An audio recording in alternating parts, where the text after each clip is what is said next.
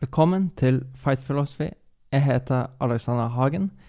I dag skal jeg snakke litt om OL, Canelo sin neste kamp, og om sex før kamp. Det har jo vært en liten pause nå siden sist podkast kom, eller i det hele tatt siden jeg la ut en YouTube-video. Mm, det har hatt mye greier på gang, men uansett så har det jo ikke skjedd så mye i boksverden. Det har jo vært fokus på OL nå, og det er sommer, folk har ferie. Og det er liksom ikke da det pleier å være de største boksekampene. Um, den største kampen nå i sommer, som skulle vært, var jo 24. juli. Uh, så skulle vært en tredje kamp mellom Tyson Fury og Deontay Wilder. Første kamp ble jo uavgjort. Andre kampen vant jo uh, Fury på TKO. Og nå skulle møttes en tredje gang. Jeg forsto ikke helt hvorfor de skulle møttes. Det er veldig mye sånn politikk som var fram og tilbake. Mm, og Dante Wilder hadde en klausul som tilsa at han skulle få en, en til omkamp om han ville tape, så han, han benytta seg av det, og kampen var på plass. Men så fikk jo Tyson Fury inkludert uh, det meste egentlig i teamet hans korona.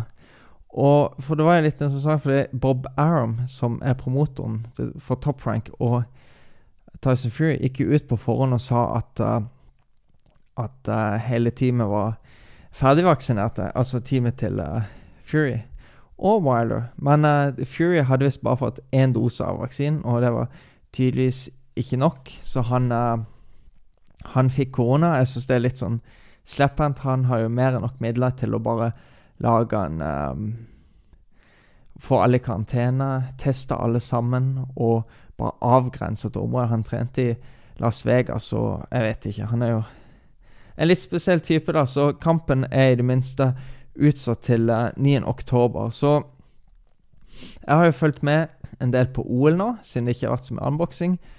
Jeg pleier egentlig å se på OL uh, Ja, jeg ser på boksinga hvert eneste år.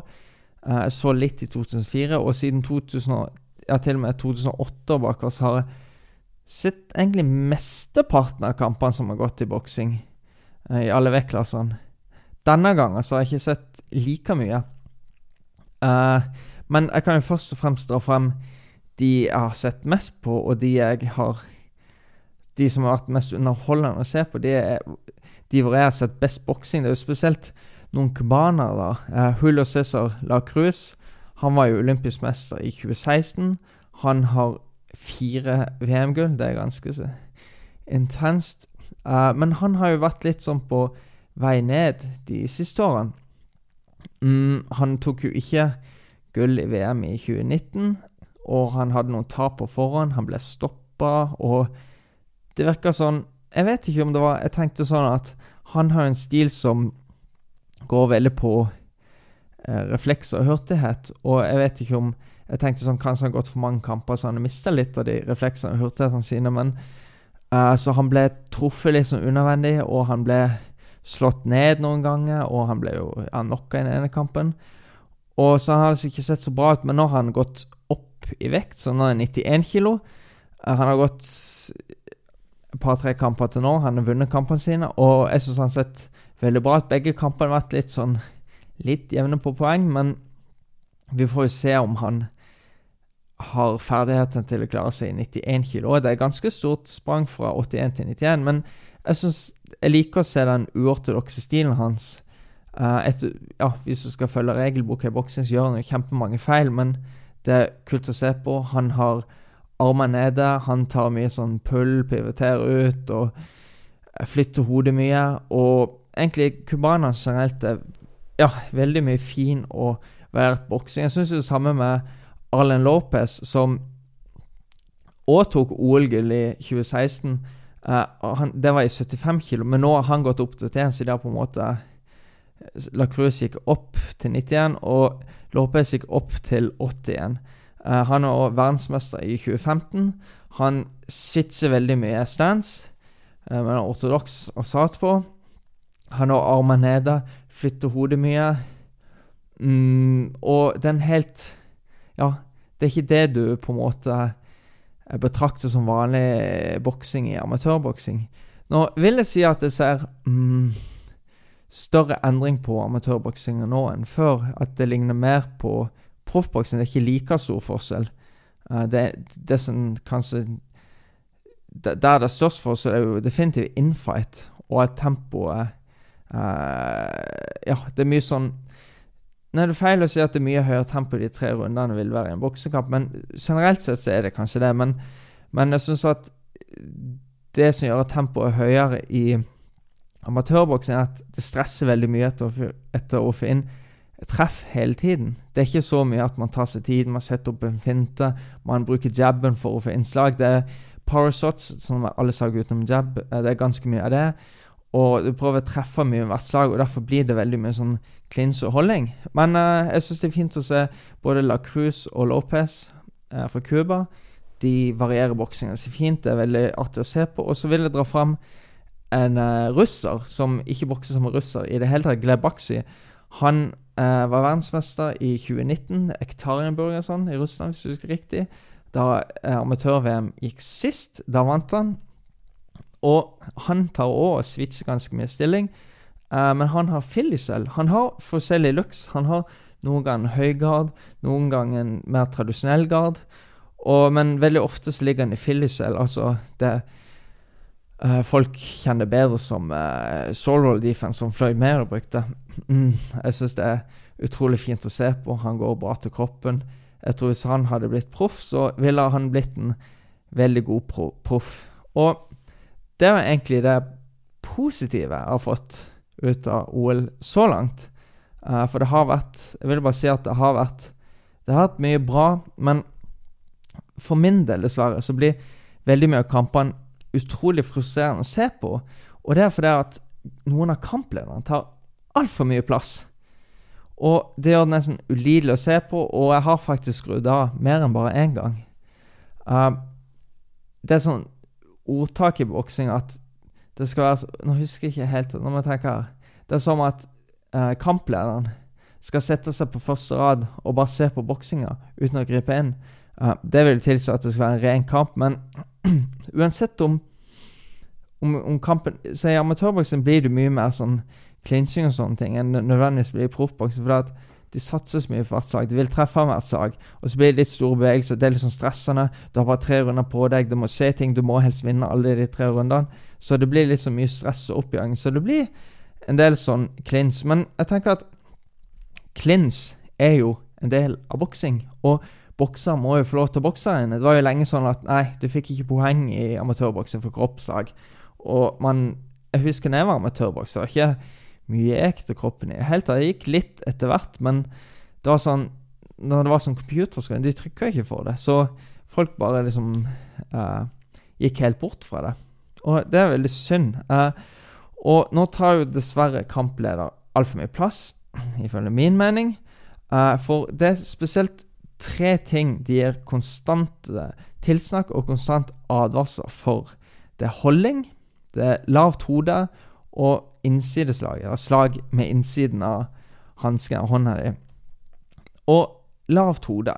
Det har ikke bokseren lov til å unnvike slag. For det virker sånn at bare noen av bokserne kikker ned i bakken, så sier dommeren 'stopp, head up'. Og jeg kan si det sånn at hvis du bokser, og du har en kampleder som griper inn og er så negativ og pirker på alt sammen hele tiden, da går det faktisk utover bokseren. Det blir frustrerende å høre på. Det, blir, det, er veldig frustrerende, og det er vanskelig å holde fokus. Det er vanskelig å skjerpe hele tiden og ha en som på deg og klage på alt sammen. Det er ikke så veldig lett. Mm, og i proffboksing, lavt hode, det vil si at du går under beltestedet til motstanderen din. Beltestedet til motstand Du kan altså gå så langt ned med hodet ditt uten at dommeren skal si, er kampleder skal si at du har lavt hode. Men det virker ikke som det har noen sånn tydelige retningslinjer på det amatørboksing. Hvis dere vet om noen tydelige retningslinjer, så gjerne si det til meg. Jeg vet jo at det er et problem med lavt hode hvis, det, uh, hvis man hopper inn med hodet først, og man på en måte forårsaker skalling eller kutt og sånne type ting. Og jeg tok og leste i reglene til uh, Øyba. Her står det Altså, jeg, jeg leste på når man skal si stopp, og når man skal si si det For i proffboksen, hvis du hadde hatt noe med lavt hode, så hadde du bare sagt at 'keep your head up' uten at du sier stopp. For problemet her er at altfor mange kampledere ikke bare sier 'head up', men de sier 'stopp'. Keep your head up. Og det gjør at det, det bryter opp boksinga hele tiden. Det bryter opp action. Det bryter bort hele flyten, og du må starte på nytt med resette hele tiden. Det er veldig frustrerende å se på. Og jeg leste i det reglene Her står det For minor, minor fouls, cautions can be given without stopping the bout. For persistent major fouls, the referee should command stop and issue a caution. Altså, hvis ikke en sånn større større greie, altså du bare tar lavt, lavt hode noen ganger, det burde ikke være et stort problem. Da, da skal ikke dommeren si stopp at uh, head, keep your head up. Da skal han bare si det i bakgrunnen uten å stoppe action. Ok, Det er plagsomt at du sier det hele tiden, men det er bedre at du sier det istedenfor å si stopp hver gang. For det er jo ikke sånn at jeg har sett at de har skalla hverandre så mye fordi at de, de tar et lavt hode.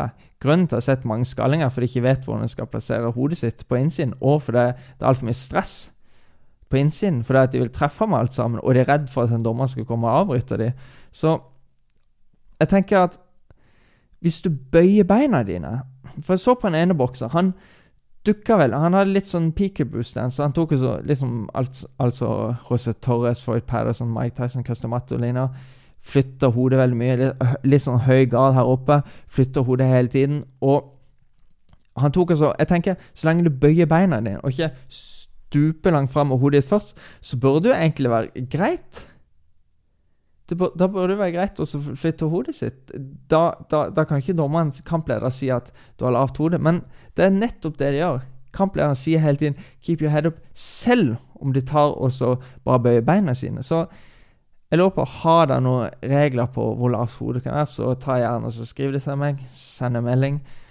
Ja, jeg vil gjerne vite det, for det gjør det veldig vanskelig å se på OL. Uh, det er litt synd. Uh, Ok, Lavt hode, det er den ene. Uh, og så er det jo innsida. Og jeg har sett tusenvis av proffkamper i mitt liv, men jeg har aldri sett en eneste klage på at noen står med innsida. Det er sånn Det her er, det her er olympiske leker, liksom. De, ok, De er ikke profesjonelle, men mange av de lever som profesjonelle. De får penger av staten. De får penger av Bokseforbundet. eller De har masse sponsorer. De er med i OL. Det er det største du kan oppnå hvis du er en amatørbokser. Det her er amatørboksing på det aller høyeste nivået. De vet hvordan de bokser. Så det er sånn Herregud, skal de liksom bli stoppa for det? Jeg kunne tro de hadde to-tre kamper. liksom, så innside også, Hvis du treffer med denne delen av hånda di Og det er sånn Er det et problem? Jeg vet at det ikke er noe padding der, men du får ikke vridd over slaget. Du får ikke den samme rotasjonen du ville fått hvis du hadde slått en skikkelig hook og som de sier 'turn it over'. på en måte. Det, det er jo ikke så skadefullt. Jeg vet ikke. Og det er frustrerende at de stopper det pga. det òg. For ja, som sagt, jeg har aldri hørt en eneste kampleder stoppe noen ting for det i proffboksing. Aldri hørt en kampleder i det hele tatt nevne det i proffboksing. Så det syns jeg er en litt sånn gammeldags greie som uh, ikke, ikke, burde ta så mye plass. Og så hopper jeg egentlig over det med holdning, da. Og jeg tenker sånn Kampleder En av utfordringene til kampleder er at det virker ikke som de får med seg hvem som holder. For det er sånn, Noen ganger kan det være sånn at kampleder får sånn får den ene bokseren litt opp i halsen og blir sånn, skal være ute den ene hele tiden. Men det må alltid to til for å holde. Og jeg tenker det hadde ikke vært så mye så stort problem med det, det de kaller holdning. Hadde de bare ikke vært så stressa der inne, hadde, hadde, de bare fått lov til å jobbe litt mer infight, hadde lært seg å jobbe der inne Klins er jo en del av boksing. Du, du, må jo lære å kontrollere motstanderen inne. Du må lære å få kanskje én arm fri, og så jobbe med en arm. I proffboksing kan du, hvis du har, begge har én arm hver fri, så får du lov til å jobbe videre inne. Så det burde egentlig vært lov til her i amatørboksing òg. For det er sånn uh, Det er litt sånn slitsomt når det alltid blir noe sånn stopp, break. La de bokse inne, la de klare seg sjøl. Det er voksne folk. De er med i OL. De kan bokse.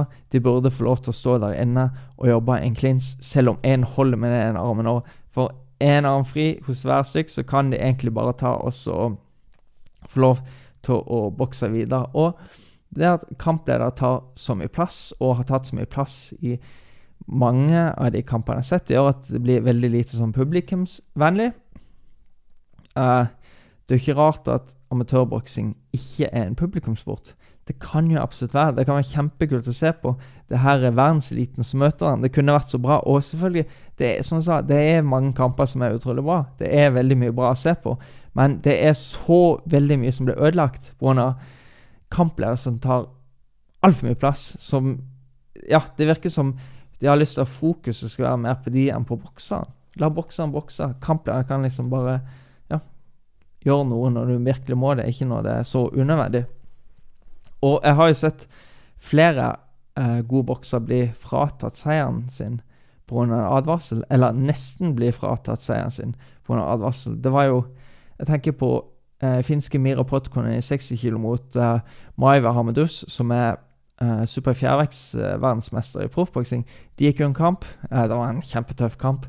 Jeg syns Mira gjorde nok til å vinne. Hun vant kampen til slutt, heldigvis, men hun fikk et uh, poeng fra dag, og det gjorde at hun nesten mistet kampen. Og det er så kjipt at sånne ting um, skjer, og at folk får ødelagt seieren sin, og folk får ødelagt en potensiell medalje bare fordi at en kampleder mener at noe sånt er feil. Så, men alt i alt har det vært uh, veldig mye bra, uh, men noe dårlig. En ting til jeg vil legge til, er at uh, det her har jeg sett i amatør... Ja, før jeg glemmer det, jeg må bare si det.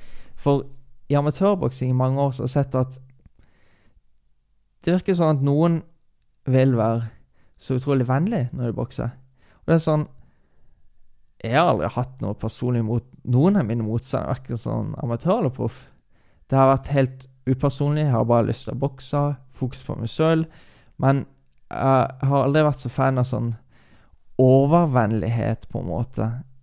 Jeg er fan av respekt for motstanderen. Men ikke at man skal på en måte være der og så være så liksom shake hand eller touch gloves hele tiden, på en måte. Jeg har lyst til å se en kamp.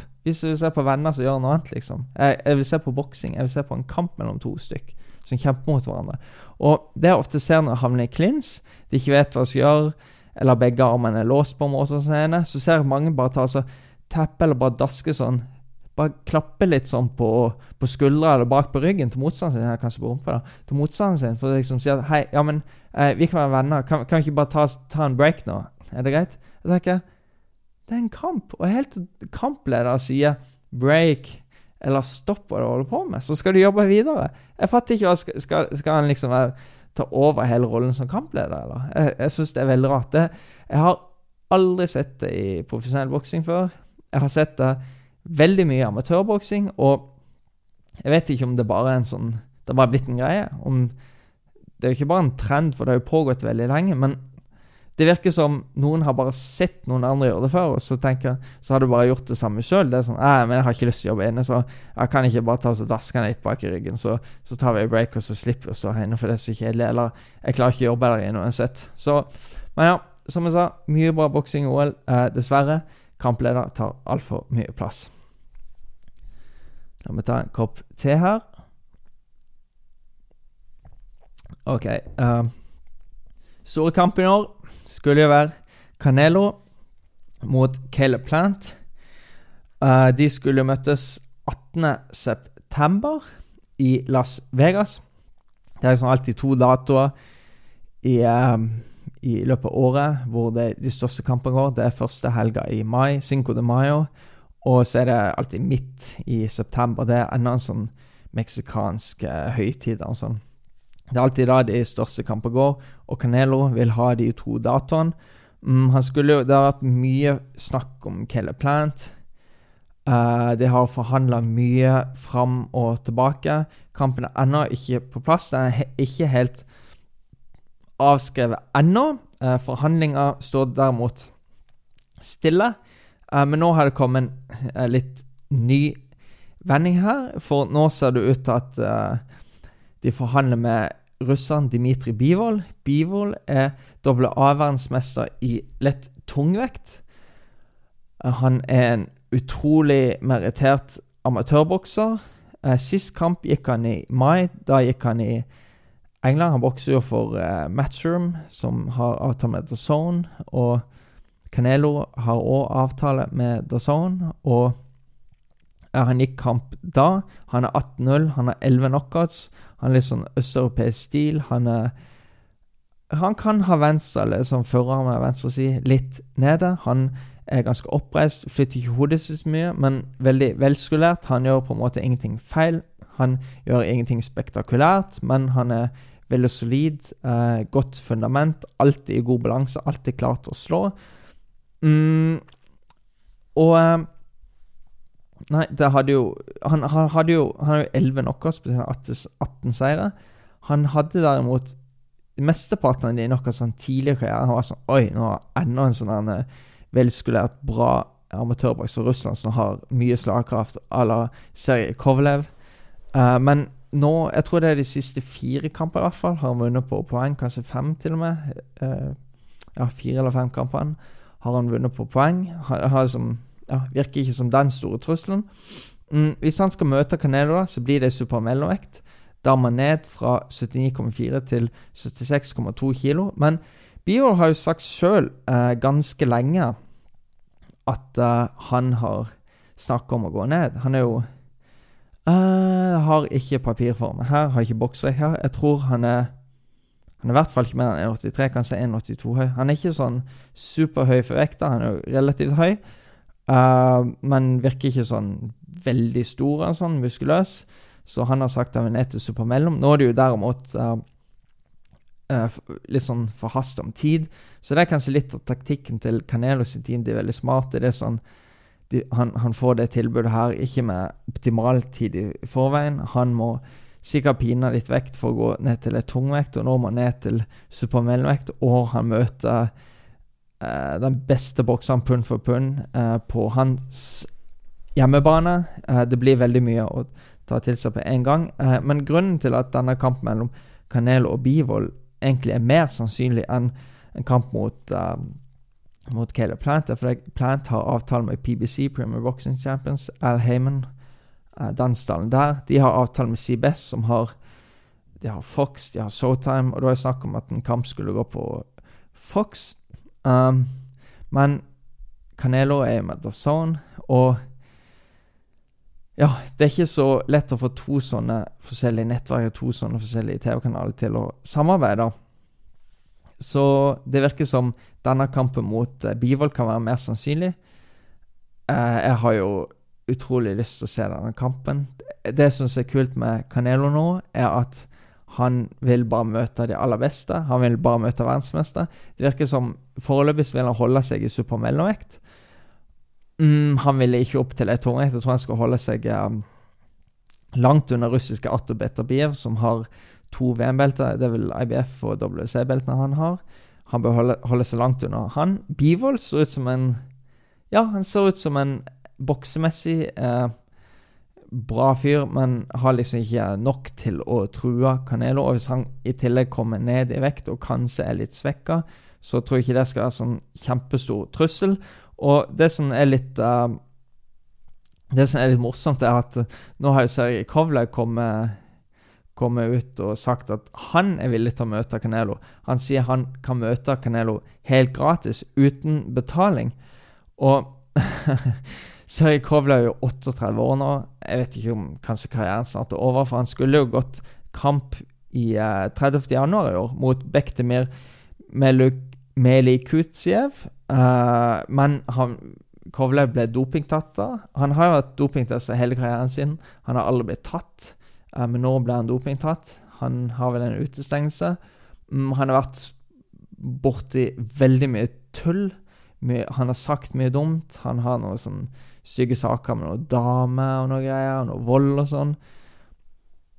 Ja, han har havna borti veldig mye rot. Og det er litt synd. Um, jeg tror ikke Canelo er villig til å møte han. Er, han har jo faktisk ikke boksa siden han tapte mot Canelo på knockout i det var i 2019. Uh, så han er vel på vei ned nå. Jeg vet ikke om vi ser han igjen. Uh, og forresten så er Oslo Bokseklubbs Alexander Martensen i Las Vegas akkurat nå. Han er der for å spare med Caleb Plant. De har ennå ikke begynt å spare. Og planen er jo fremdeles for Plant at, at han skal møte Canelo 18.9.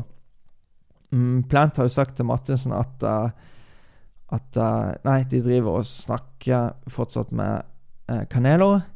Mm, de holder på å forhandle ennå, men at Plant skal bokse uansett om det blir Canelo eller ikke, så skal han bokse 18.9. Sannsynligvis blir jo det på, på undercard, da. Så får vi jo se hvordan, om han klarer å få en avtale med, med The Zone, da.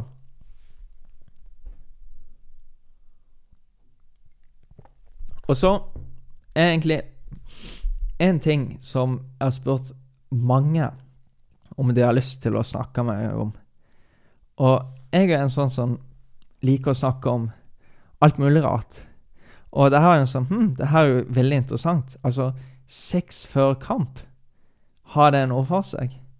Og jeg spurte jo mange om det, men det var absolutt ingen som ville. Mange ville snakke med meg personlig om det. Men da var sånn Ja, så vil du være med på YouTube eller vil du være med på podkast og snakke med alle? Nei, jeg har ikke lyst. Og jeg syns det er litt rart, og det gjorde jo bare at jeg fikk enda mer lyst til å snakke om det. Og siden ingen andre har lyst til å snakke om det, så velger jeg bare å snakke litt om det sjøl. Det blir ikke sånn stor greie, men jeg hørte først om det da jeg leste Jeg vet ikke om det er selvbiografi, eller det var iallfall en biografi om Mohammed Ali. Eller det er så mange år siden. Det, det var, jeg hadde ikke boksa i så mange år. Jeg har ikke boksa så lenge. Jeg var fortsatt i Flekkefjord, amatørbokser. Ganske fersk. Leste den biografien til Ali, og der sa at han ikke hadde sex seks uker før kamp. Han avsto fra å ha sex. Og han sa at han Ja, han sa Jeg husker faktisk at han sa at Han skrev at uh, han begynte å komme i søvne. Da, da visste at han på en måte var på riktig vei. Da kjente han at han fikk energi og sånn til å gå kamp, og da var han på en måte hadde han ja, Nå husker jeg ikke ordrett hva han sa, men så, sånn jeg husker nå, så hadde han iallfall riktig fokus, og det var liksom der han måtte være for å komme i form til å gå kamp. Og det var ja, relativt ung, da, så og jeg leste en bokser som Mohammed Ali. Jeg har aldri vært så stor fan av, men han var en veldig god bokser. Og når jeg leser det, så var det sånn Hm, det her må jo stemme, liksom. Hvis han gjorde det, så er jeg nødt til å gjøre det sjøl. Så det fikk jo meg òg til å avstå fra seks. Eh, kanskje ikke seks uker, men fire-fem uker iallfall, før kamp. Og Men de siste årene så har jeg tenkt mer sånn Hvis du ikke er i form til å ha sex sånn relativt nærme en kamp, så er du kanskje ikke i form til å gå en kamp i det hele tatt. For ja, jeg vet ikke hvor mange kalorier du vil forbrenne. Det kommer kanskje an på hvilken sex du har, men det skal ikke ta så mye energi av deg å ha litt sex før en kamp. Og eh, Men Cus D'Amato, treneren til Floyd Patterson, HC Torres, Mike Tyson, han sa at det var ikke sexen i seg sjøl som var problemet, men det å være våken hele natta med en jente. Altså at du kanskje traff en jente, så tok henne med hjem, og så skulle du liksom ha sex med henne. Det, det, var, det, var, liksom hele den greia som gjorde at du satt oppe hele natta. Det var kanskje ja, Sannsynligvis var det første gang du lå med jente, og det var litt ekstra spenning, det var litt tent, og det var så mye som skjedde, og det var kanskje vanskelig å få litt søvn eh, med tanke på det. Men det er forskjell på det å ha en fast eh, partner å ha sex med.